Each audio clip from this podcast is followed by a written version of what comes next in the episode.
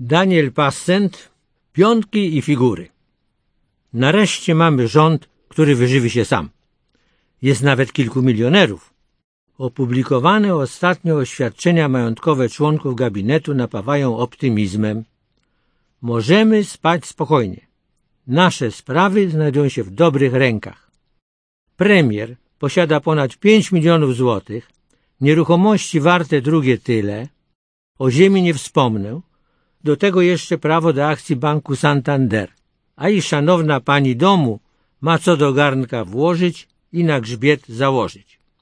Uspokajająco działa także oświadczenie ministra finansów, który w dniu składania deklaracji miał ponad milion złotych, ćwierć miliona funtów oraz obligacje, akcje i certyfikaty inwestycyjne, jak również nieruchomości. Tadeusz Kościński jako minister zarabia w Polsce zaledwie 11,5 tysiąca złotych brutto, czyli marnie. Na szczęście pobiera emeryturę w Anglii 1720 funtów brutto miesięcznie. Moim zdaniem lepiej być emerytem w Anglii niż ministrem w Polsce, bo mało, że człowiek ma święty spokój, to jeszcze dobrze mu płacą.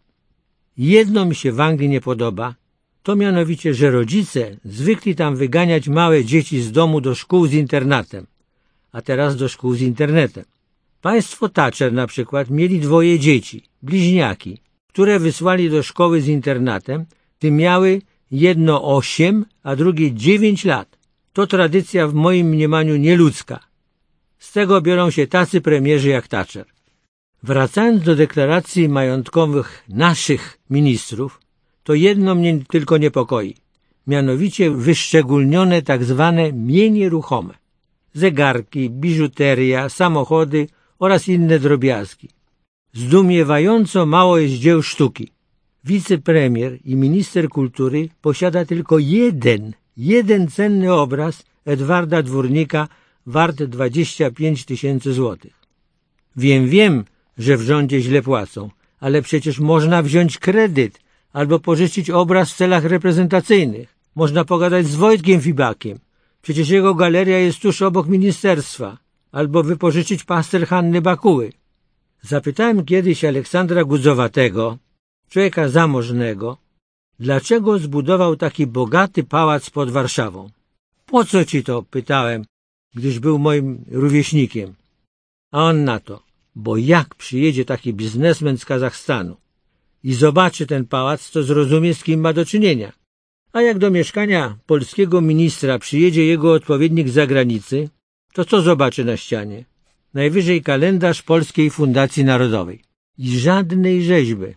Namawiam Radę Ministrów na udanie się jak najszybciej, kierowcy Służby Ochrony Państwa to potrafią, na świetną wystawę Myśleć w kamieniu, rzeźby Augusta Zamojskiego w Muzeum Literatury w Warszawie. Jak ktoś trafnie powiedział, to wystawa esej, piękne rzeźby pokazane na tle malowniczej biografii przystojnego i wysportowanego artysty. Kurator pani doktor Anna Lipa, brawo! Premiera oraz ministra finansów powinno byłoby stać chociaż na jedną taką rzeźbę lub od biedy replikę.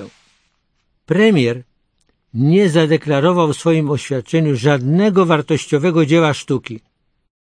Może nie posiada? Namawiam panów ministrów na rzeźbę Aliny Szapocznikow. Choć może by się wstydzili albo obawiali, że ktoś na nich doniesie. Wszak to autorka rzeźby Przyjaźń z Pałacu Kultury, rzeźby dzisiaj wyklętej. Mówi historyk sztuki profesor Waldemar Baraniewski, cytuję. Także o niej można mówić jako o pomniku wdzięczności, bo przedstawia obejmujących się żołnierzy radzieckiego i polskiego. W 1992 roku rzeźbę w nocy wywieziono z Pałacu Kultury i Nauki w Warszawie i przekazano w prywatne ręce.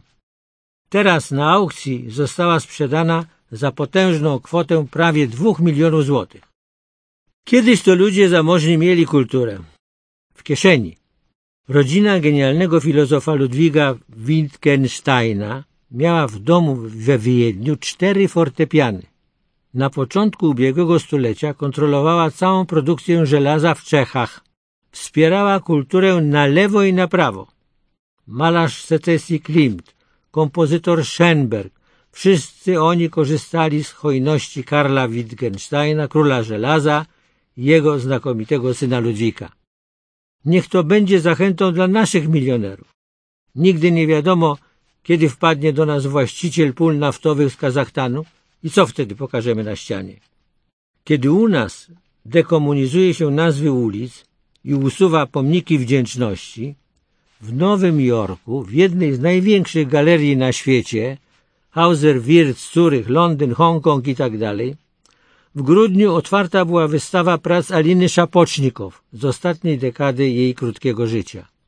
Swojego rodzaju kod do wystawy monograficznej tej artystki w prestiżowym Museum of Modern Art w 2012 roku. Czytamy w pełnej uznania recenzji w miarodajnym tygodniku The New Yorker. A u nas żadnej wzmianki o tym wydarzeniu nie widziałem. Czyżbyśmy mieli dużo takich wystaw? Czy najpierw musimy wyrzucić kolejne miliony na poprawę wizerunku i dopiero wtedy chwalić się wystawą? A może chodzi o piętno przyjaźni? Może to kwestia pokoleniowa? Mało komu nazwisko Szapocznikow coś mówi. Dziś liczy się Wiedźmin. Byłbyż to skrót od Wiedźminister? W tygodniku powszechnym obszerny esej dwóch uczonych Łukaszów, Jacha i Łamży, o tym, dlaczego mężczyźni grają w szachy lepiej niż kobiety. Bardzo mnie to zainteresowało, ponieważ w latach szkolnych grałem dużo w szachy, co podobało się mojej ciotce, gdyż naiwnie sądziła, że jestem inteligentny. Tymczasem z artykułu panów Łukaszów wynika między innymi, że związek pomiędzy szachami a inteligencją nie jest prosty. Na szczęście ciocia już o tym się nie dowie. Faktem natomiast jest, że nigdy nie grałem w szachy z żadną dziewczyną. Nic dziwnego. Wśród zawodników sklasyfikowanych kobiety stanowią zaledwie 10%, a wśród arcymistrzów tylko 1%. Dlaczego? Nie wiadomo.